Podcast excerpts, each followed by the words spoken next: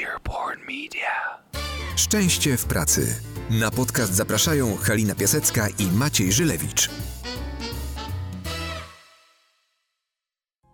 Cześć Maćku. Dzień dobry pani Halinko. Dzień dobry panie Maćku. Miło cię słyszeć i widzieć. Ciebie również, tak, bo chyba nie jest sekretem, że widzimy się na Zoomie wtedy, kiedy nagrywamy nasze spotkania. Tak. E, Ta widoczność dużo ułatwia, nie? Technologia nam pomaga w zdalnym nagrywaniu i przestrzeganiu zasad kwarantanny. No, oczywiście nie od, tutaj nie odkrywamy y, jakichś nowych planet, mówiąc, że używamy technologii, ale jedno jest, jedno odkrycie moje takie technologiczne z ostatnich tygodni, to że y, kiedy jest włączona kamera na tych spotkaniach, pomimo, że wszyscy mówią, że to obciąża dodatkowo sieć i tak dalej, to zupełnie też zmienia się jakość relacji, bez względu na to, czy się prowadzi warsztat, czy ma się Jasne. spotkanie zespołowe. Dobrze jest się widzieć, nawet jeżeli to jest widzenie się na ekranie komputera. No tak, no wcześniej raczej, mimo że tą technologię znaliśmy i korzystaliśmy z tych rozwiązań w pracy, to jak nagrywaliśmy, spotykaliśmy się osobiście i widzieliśmy się gdzieś na kawie, czy, czy po prostu rozmawialiśmy w biurze. Także jest to dla nas też zmiana. Nawet jeśli nam to pasuje i się widzimy, no to jest inaczej. Dokładnie. Choć tak. już to czwarty tydzień. Czwarty, a nie piąty już? Zaczyna się piąty, w piątek skończył się czwarty. Tak jest. No dobrze, słuchajcie, ale nie będziemy tutaj e, prowadzić dzienników Robinsona Crusoe i odliczać, ile kolejnych dni minęło, bo myślę, że wszyscy już wyszliśmy poza taką nowość sytuacji i jesteśmy teraz na etapie e, normalizowania, na etapie szukania dokładnie swojego miejsca w tej całej e, sytuacji. Dzisiaj chcielibyśmy porozmawiać o jednej z kluczowych chyba walut transakcyjnych tej nowej sytuacji, która tak się składa, że również jest jednym z filarów szczęścia w pracy, czyli będziemy rozmawiali o zaufaniu. Tak. Ten, ten, to hasło, ten temat zaufania w tej chwili pojawia się, ja mam wrażenie, w każdej ze sfer naszego życia, E, bo zarówno jak pracujemy z naszymi klientami, teraz prowadząc e, sporo webinariów, szkoleń online czy konsultacji, to ten temat zaufania cały czas powraca w kontekście zarządzania zespołami, zdalnego zarządzania zespołami. On powraca, jeśli chodzi o rodzinę i o to, jak sobie radzić pracując w domu i jednocześnie zajmując się dziećmi i wspierając ich, jeśli chodzi o szkołę czy przedszkola, zależy jaką kto ma sytuację. No i powraca w kontekście naszego własnego samopoczucia i w ogóle naszego szczęścia w tej trudnej sytuacji. E, także, a i w ogóle globalnie to ten, ten temat zaufania też e, dociera do nas, więc ja mam wrażenie, że to jest taki temat, którego nie można pominąć i który jest niezwykle ważny w kontekście tego, jak sobie dajemy radę w tej chwili i jak będziemy sobie dawać radę. Mhm. Ciekawe, że wspomniałaś o słowie e, globalny, czy użyłaś słowa globalny, bo mam poczucie, że obserwując naszą lokalną tutaj scenę, ale też obserwując biznes i patrząc, co się dzieje na świecie, to akurat my mówimy nie za dużo o zaufaniu w kontekście społeczeństwa, a mówimy więcej w kontekście biznesu, w kontekście liderów. I taką konkretną wartością z dzisiejszego spotkania i tym, dlaczego warto nas może posłuchać, to e, e, chcielibyśmy się skoncentrować na jednym z aspektów, czyli na tej cienkiej granicy pomiędzy słowem kontrola a słowem zaufanie, bo słyszymy często, że to są dwa końce tego samego zjawiska, czyli możesz mieć albo zaufanie, albo kontrolę. I tutaj mały spoiler, my się z tym absolutnie nie zgadzamy. Ale pozwólcie, że zacznę od takiego swojego kontekstu trochę szerszego. Powiedziałem o polityce, powiedziałem o tych wydarzeniach społecznych. Świadomie nie będę chyba nic mówić o naszym lokalnym podwórku, dlatego że wiadomo, że ono potrafi bardzo mocno polaryzować i tego nie chcemy. Mm, Obserwuję i zawodowo, i też y, prywatnie obserwuję to, co się dzieje w amerykańskiej polityce. I wyobraź sobie, Halina, że tam, kiedy wydawało się, że ten kryzys zaufania do polityków i do postaci publicznych już nie może być większy, już bardziej te wartości nie mogą pospadać, e, pojawiła się postać, która trochę zmieniła e, oblicze zaufania. Jest to o tyle ciekawe, że jeżeli się zobaczy statystyki zaufania do instytucji federalnych, czyli do tego, co u nas jest jakby centralną, centralne instytucje państwowe, e, od różnego rodzaju agent rządowych po polityków rządu e, i w ogóle władzy wykonawczej, to, e, to tam statystyki w Stanach pospadały w ostatnich kilkudziesięciu lat na przykład 80 kilku procent zaufania do instytucji, które na przykład regulują rynek farmaceutyczny czy rynek produktów spożywczych, Tak. do trochę ponad 30. Więc jest to Wow. kompletna dewaluacja, kompletne poczucie, że społeczeństwo nie wierzy tym, którzy z założenia mieli dbać o ich dobrobyt i bezpieczeństwo. I pojawia się tam na scenie, po tym jak e, prezydent Stanów Zjednoczonych kilka miesięcy temu rozwiązał e, taki zespół zajmujący się epidemiami, pojawia się postać doktora Antonego Fauciego, takiego mm, lekarza, który y, wygląda jak y, profesor z uniwersytetu, ma dostojną siwiznę, jest drobnej postury, ma e, okulary na nosie. E, I ten człowiek, e, który występuje głównie na scenie z tymi wielkimi postaciami, które e, lubią dominować, machać rękoma i tak dalej, nagle staje się w kilka tygodni postacią zaufania publicznego Mm. ma najwyższe ratingi, jeżeli chodzi o zaufanie, e, pomimo że w żaden sposób e, o nie nie zabiega. E, Zresztą oczywiście internet doprowadza to chyba z nudów w domu do jakichś e, takich absurdów, uznając go, czy tam postulując, żeby został najseksowniejszym człowiekiem, mężczyzną 2020 roku i tak dalej. Ale jest to fascynujące, bo co powoduje, że my dzisiaj ufamy ludziom? E, Bo ekspertów mówiących o pandemii, mówiących o zagrożeniach zdrowotnych Jest bardzo dużo. jest, jest bardzo dużo. Ale jednak do końca im nie ufamy. A tutaj pojawia się ten człowiek, Antony Fauci, i nagle wszyscy zaczynają mu ufać, czy większość społeczeństwa zaczyna mu ufać. To jak to jest z tym zaufaniem? Jakbyśmy to sobie poprzekładali na nasze relacje pracowe, ale też na nasze relacje domowe. Skąd się to w ogóle bierze? No ale powiedz coś więcej, bo ja już umieram z ciekawości, czemu takiemu ufają. Co, co się takiego zdarzyło, że jemu zaufali? Mhm. Wiesz, czy- czytam dużo analiz, dlaczego tak się dzieje, tak? Czytam dużo analiz. E, Część tych analiz pokazuje, że jesteśmy zmęczeni e, walką o ogień, że jesteśmy zmęczeni tym obserwowaniem, czy to w biznesie, czy to w polityce, samców i samic alfa, którzy okładają się maczugami i którzy zabiegają o atencję To prawda. że jest coś niezwykle w kontekście zaufania seksownego w tych osobach, które o nie w ogóle nie zabiegają.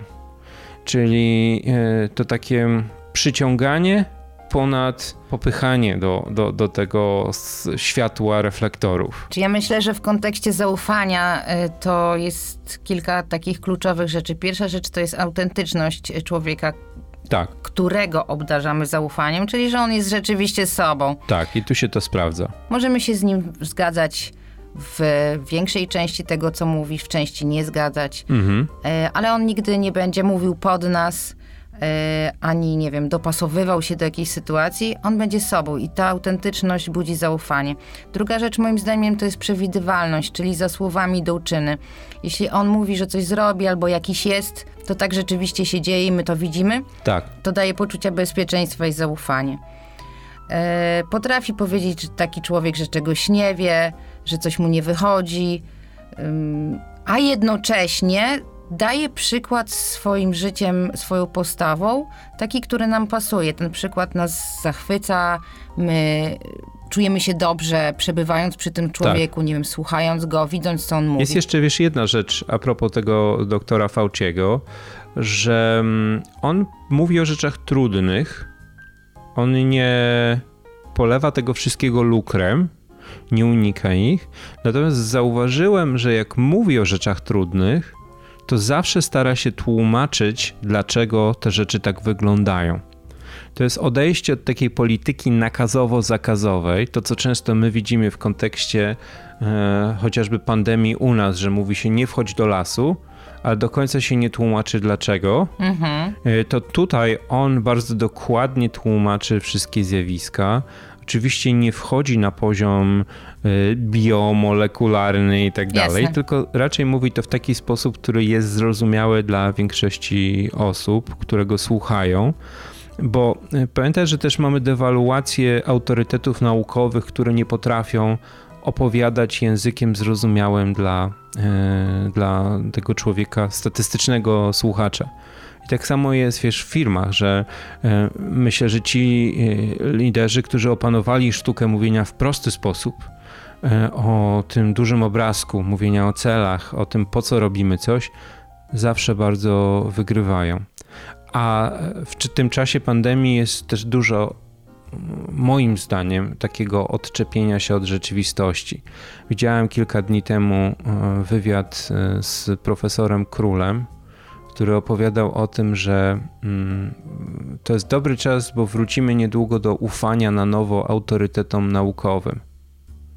Ja myślę, że tylko niektórym autorytetom naukowym, tym, którzy będą potrafili mówić w sposób prosty i docierający na bazie komunikatu, e, że jest jakaś przyczyna i jest jakiś skutek.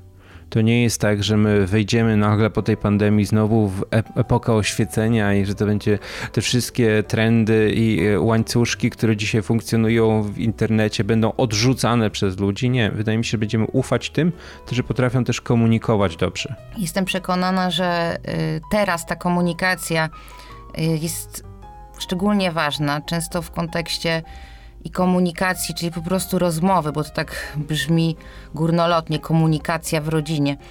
E, Ale ponieważ też czytam sporo, to, to te słowa gdzieś tam w mojej głowie i określenia zostają. Po prostu ty, tych rozmów w rodzinie powinno być jeszcze więcej, bez względu na to, w jakim wieku są te nasze dzieci, czy też między nami a naszym partnerem czy partnerką, y, bo, bo wiele rzeczy teraz trzeba wyjaśnić, albo siebie posłuchać, albo o sobie coś powiedzieć.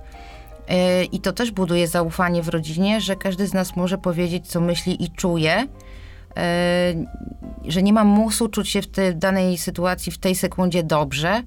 y, Ale też można się ucieszyć, kiedy ten nastrój jest lepszy, bo mam wrażenie, że te dni są po prostu różne dla każdego z nas, dla nas, dla dzieci, dla wszystkich. Tak, tak. Ale też to zaufanie w rodzinie, to jest też to, co mówiłeś wcześniej, trochę odpuszczenie tej kontroli, bo wcześniej mieliśmy w jakiś sposób to życie ułożone. Nawet jeżeli y, mówi się o tym, że jak są dzieci, no to wydaje ci się, że wszystko jest dobrze i paw, na przykład pojawia się tam o, nie wiem, o 22 rozmawiasz z tym dzieckiem, które ci mówi ojej, ojej mamo, ja zapomniałem, że jutro do szkoły ja potrzebuję e, ekierkę i cyrkiel, a, a tego nie mam.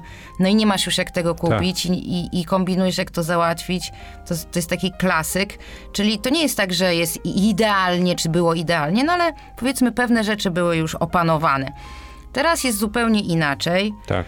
Yy, I mm, trudno, pewne rzeczy trzeba odpuścić. Yy, jeżeli tego dnia, nie wiem, łóżko nie będzie pościelona, zawsze było trudno. Jeżeli, nie wiem, zamiast yy, poczytać dziecko, które zawsze wieczorem czytało, stwierdzi, że po prostu za nic nie chce czytać, ma zły dzień, no to Mhm. nic się takiego nie stanie, jeśli nie przeczyta. I to jest trudne wyzwanie dla osób, które mają wysoką taką potrzebę kontroli. I to im dawało poczucie bezpieczeństwa, bo teraz warto spróbować przynajmniej zamienić to na, ja to powiem, wolność i zaufanie. To nie znaczy oczywiście e, puszczenie wodzów e, fantazji e, do granic możliwości, a jednak odpuszczenie sobie innym. Podoba mi się to określenie. Wodzowie, wodzowie fantazji. To jest do, dobre określenie. Wodzowie fantazji, dokładnie. O, to, Ukuliśmy, To mi się ukuliśmy też- nowy tak. termin. Wodzowie fantazji. Wodzowie fantazji. Dobrze. właśnie, ta moja fantazja zadziałała dokładnie tak. I to dla niektórych osób może być trudne, a jednocześnie yy, to powoduje, że nie będziemy tak sfrustrowani, bo będziemy zmęczeni, będzie nam nawet czasem dziwnie smutno, nie wiem, Mhm. będziemy mieć dość, ale nie będziemy sfrustrowani. Dlaczego? Bo nie będziemy dążyć do czegoś, co jest niemożliwe. Po prostu. I tu, wiesz, to, i tu mamy chyba te właśnie dwie skrajności, bo tu mi się włączy mój wewnętrzny antropolog kultury. E, Obserwując ludzi, obserwując rodziny, widzę, że część ludzi poszła w takie bardzo i zawodowo, i, i rodzinnie, poszła w takie bardzo mocne poukładanie rzeczywistości i właśnie stresowanie się wtedy, kiedy nie do końca dowieziemy to, co żeśmy sobie zaplanowali.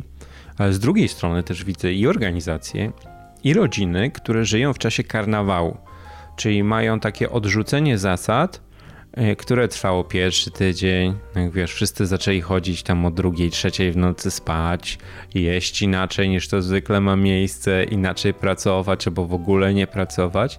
I nagle się okazało, że trudno jest wrócić z tego czasu karnawału. W tych naszych kalendarzach e, rocznych każda kultura ma jakiś czas karnawału i on jest e, określony, czyli kiedyś się zaczyna i kiedyś się kończy. W pandemii to, co może sprzyjać e, naszemu no, i rozwojowi, i w ogóle dobremu znalezieniu się, to jest jednak powiedzenie sobie, że ten karnawał też powinien mieć pewne granice, a potem wracamy do normalności, innej normalności, ale do normalności uregulowanej. No tak, no y, ta, ta wolność i zaufanie w rodzinie to jest yy, coś bardzo ważnego, a jednocześnie warto mieć jakiś rytm, plan, jakąś rutynę, która też daje to poczucie bezpieczeństwa. Tak naprawdę połączyć jedno i drugie. Yy, ta rutyna i, i ten plan jest, to są zupełnie inne E, rutyny i plany niż to, co było wcześniej, bo szkoła jest nagle tak, online, tak. bo trzeba z dziećmi popracować, bo pracujemy równolegle w tym samym czasie e, i tak dalej, i tak dalej. Także to jest taki trudny miks zaufania, wolności, rutyny i planu. Mhm. Coś, co trudno połączyć, a jednak właśnie o to chodzi. A, a też przechodząc właśnie do, mm, do tego szczęścia w pracy i realiów Y, pracy zespołów, ich menadżerów, liderów, przełożonych, to są też osoby, które powinny postawić na zaufanie w stosunku do, do swoich współpracowników, do ludzi, z którymi zarządzają. I ta wielka zmiana, czyli mm, dla niektórych duża zmiana, bo część może już tak wcześniej pracowało z ludźmi, czyli zarządzanie przez wyniki, przez osiąganie celów, a nie przez to, jak kto to osiągnie, ile czasu temu poświęci, jaką drogę do, w sobie wybierze. Mhm. E, tak naprawdę menadżerowie powinni zupełnie odejść od sprawdzania tego. Oczywiście wspierać ludzi, często się z nimi y, widzieć właśnie online albo komunikować, ale dać ludziom też wolność i zaufanie, bo tylko w ten sposób jesteśmy w stanie y, przy tej pracy zdalnej efektywnie zarządzać zespołami. Dla niektórych to jest bardzo to trudne. Mhm. Pozwól, że ja powyciągam z tego, co żeśmy już powiedzieli, kilka takich praktycznych rad, które mhm. wydaje mi się, że mogą pomóc wszystkim, którzy są i w pozycji lidera, ale też którzy znajdują się w tym czasie pracy. Pierwsza rzecz, którą teraz powiedziałaś, to jest yy, takie hasło, które widziałem, że over communication is the new communication, mm -hmm. czyli że ta przesadna komunikacja jest wręcz nową komunikacją. W tym czasie, w którym jesteśmy na barkach lidera jest przesadne wręcz komunikowanie. Coś, co kiedyś byłoby być może uważane za natarczywość, to dzisiaj powinno być nowym standardem.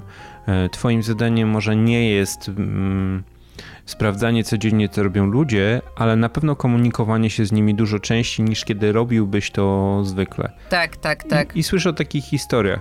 Jeżeli to są ludzie, którzy, jeżeli ty zarządzasz na przykład większym zespołem, w którym są inni menadżerowie, to właśnie z nimi powinieneś się komunikować często, ale też tworzyć przestrzeń do komunikacji dla innych. Ludzie mają po prostu potrzebę się wygadania. Druga rzecz to tak jak powiedziałeś wcześniej, wszyscy musimy uznać, że jesteśmy w różnych momentach i będą gorsze dni i lepsze dni. E, my się wręcz u nas w domu śmiejemy, że być może powinny być takie trzy lampki, każdy powinien mieć żółtą, czerwoną i zieloną, żeby zapalać sobie no i żeby sygnalizować bez słów, jaki mamy akurat mm -hmm. dzień. Bo będą różne i fajnie jest wiedzieć, tak. w których jesteśmy oczywiście E, e, miejscach tego czasu. No i trzecia rzecz a propos tej karnawalizacji, że z jednej strony oczywiście chcemy mieć zasady, które będą to regulowały, z drugiej strony wiedząc, że to jest na razie nienormalne, że to jest nowe i że to być może za chwilę dopiero stanie się normalne, możemy właśnie sobie robić z tego trochę zabawy. Czyli jeżeli już mamy te spotkania e, w naszych teamach, no to zróbmy z nich coś ciekawego, coś fajnego, Mamy takiego bardzo fajnego partnera technologicznego, który właśnie opowiadał ostatnio, że oni robią sobie tematy przewodnie danego spotkania. To może być zmienienie tła w Zoomie albo e, zrobienie czegoś fajnego, przyniesienie jakiegoś gadżetu na daną konferencję, e, kon, e, dzień z psami, dzień z kotami, czyli zrobienie jednak czegoś, co pozwoli nam oswoić nowoczesność. Czy w ogóle dystans i humor w sytuacjach stresowych i trudnych zawsze pomaga. Jeśli jesteśmy w stanie e, skorzystać z tego, no to super. To, to jest oczywiste, że to bardzo dużo daje.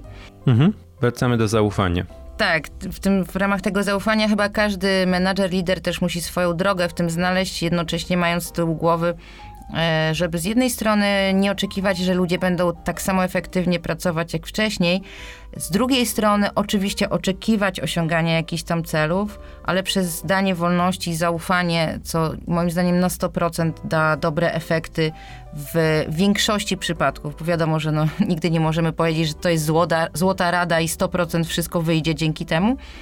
No ale zwiększy prawdopodobieństwo tego, że ludzie w tej dziwnej sytuacji innej e, będą się czuli też zobowiązani pracować dobrze, bo będą chcieli oddać to zaufanie e, swojemu przełożonemu. Mhm. Wydaje mi się, że, że każdy z menedżerów teraz będzie w tym miejscu, w którym mówi: OK, dobra, pani Piasecka powiedziała, że e, no, mogę się czuć niepewnie, bo to jest dla mnie nowe. Ale jak ja się mam tego uczyć? No, dla mnie odpowiedź jest bardzo prosta. Codziennie powinieneś prowadzić trochę taką ewaluację tego, co robisz. Mhm. Takiego NPS-a. Zapytaj swoich ludzi, jak dzisiaj się czuli. Mhm. Czy ten dzień pracy był dla nich efektywny nie ma nic zdrożnego w tym, i to znowu jest olbrzymia część zaufania, żeby przyznawać cały czas na głos, że jesteśmy nowi w tej sytuacji i że dla nas to też jest e, ścieżka edukacyjna. Mhm. Tak. To tylko moim zdaniem tak się właśnie buduje większe zaufanie, Jak kiedy mówisz, uczę się z wami naszej wspólnej nowej pracy. Absolutnie tak. Absolutnie tak. Ale też właśnie wracając do samych siebie, jak my się czujemy i i, i tematu zaufania. To jest trzeci taki bardzo ważny obszar, czyli jak zyskiwać to zaufanie w sobie, do siebie, do sytuacji, do życia, kiedy tak naprawdę jest wielka niepewność. I to jest coś, co jest niezwykle, niezwykle ważne w kontekście tej sytuacji, która jest.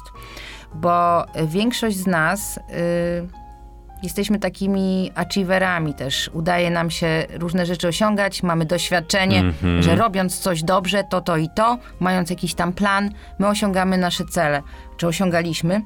A teraz jest zupełnie inaczej, ponieważ -hmm. przyszłość jest wielką niewiadomą. Tak naprawdę nie wiemy, czy te, te rzeczy, które działają dzisiaj, będą działać jutro.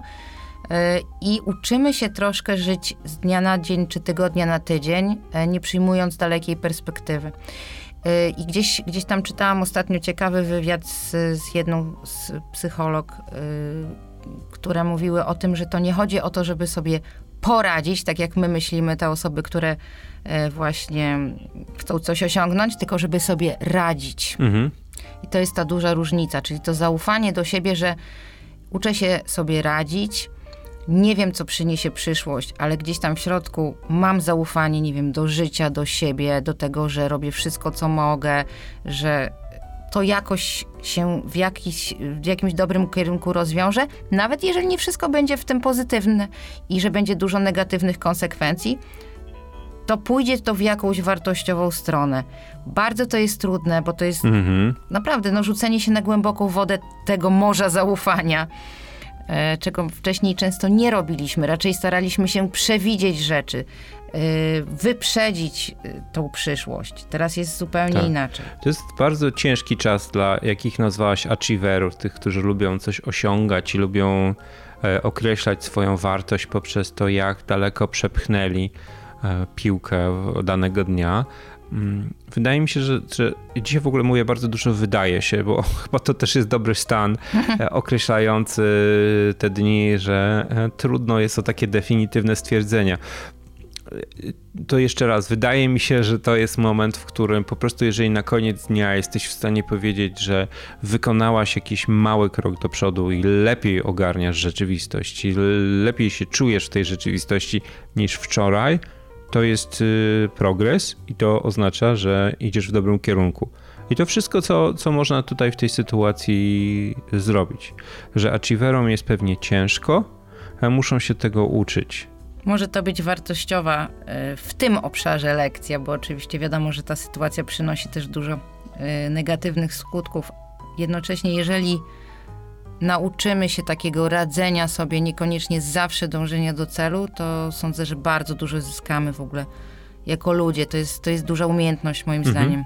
No właśnie, czyli powiedzieliśmy sporo o zaufaniu, powiedzieliśmy o tej nadkomunikacji, powiedzieliśmy o tym, że e, warto jest planować, ale trochę też karnawalizować te zachowania, które się dookoła nas dzieją. No i, i że warto realistycznie podejść do tego, że jesteśmy absolutnie nowi w tej sytuacji i nawet jeżeli już weszliśmy w piąty tydzień, to jesteśmy dziećmi e, pandemii. To nie, jest, nie jesteśmy jeszcze nawet maturzystami pandemii, jesteśmy dziećmi pandemii. Zdecydowanie Mm. tak. Co to też widzę, widzę dużo takich sygnałów, e, że to będzie w dużym stopniu, te najbliższe miesiące to będzie czas e, prawdy, jakby to nie brzmiało, że ci, którzy walczyli z tematem zaufania przed jeszcze wydarzeniami, stracą chyba więcej, e, jeżeli nie zabiorą się poważnie do pracy. Ci, którzy byli dobrzy w tym temacie i ci, którzy szli bardzo konsekwentną ścieżką zaufania, zyskają dużo więcej. To chyba będzie też prawda o biznesach, o nauczycielach, o rodzinach, że mm, ten świat, który się za chwilę nam wyłoni za zakrętu, albo będzie się cały czas kształtować, to będzie świat wszystkiego tylko bardziej. Że bardziej będziemy ufać tym, którym już ufaliśmy, yy, bardziej będziemy nie ufać tym, którym nie ufaliśmy, że tutaj zaczną się robić takie spore polaryzacje. Więc y, życzymy Wam, żebyście znaleźli się po tej dobrej stronie mocy bardziej e, i żebyście traktowali zaufanie nie jako przeciwność kontroli, tylko te dwa pojęcia zaufanie i kontrola e, powinny być, e, powinny uzupełniać się i korzystać jedno z drugiego. Tak naprawdę to jest taki, taka szansa na pozytywny wpływ na innych, na siebie, na swoje życie. To zaufanie. Dokładnie tak. I tak na to patrzmy. Myślę, że do tematu zaufania jeszcze wrócimy nie raz. E, Tymczasem dzisiaj serdecznie Was pozdrawiamy. Życzymy Wam zdrowia, życzymy Wam rozwoju i życzymy Wam, e, żeby te następne dni kończyły się zawsze powiedzeniem sobie, że jestem o krok albo pół kroku dalej w tej e, ścieżce, na której jesteśmy, niż byliśmy wczoraj. Do usłyszenia. Szczęście w pracy.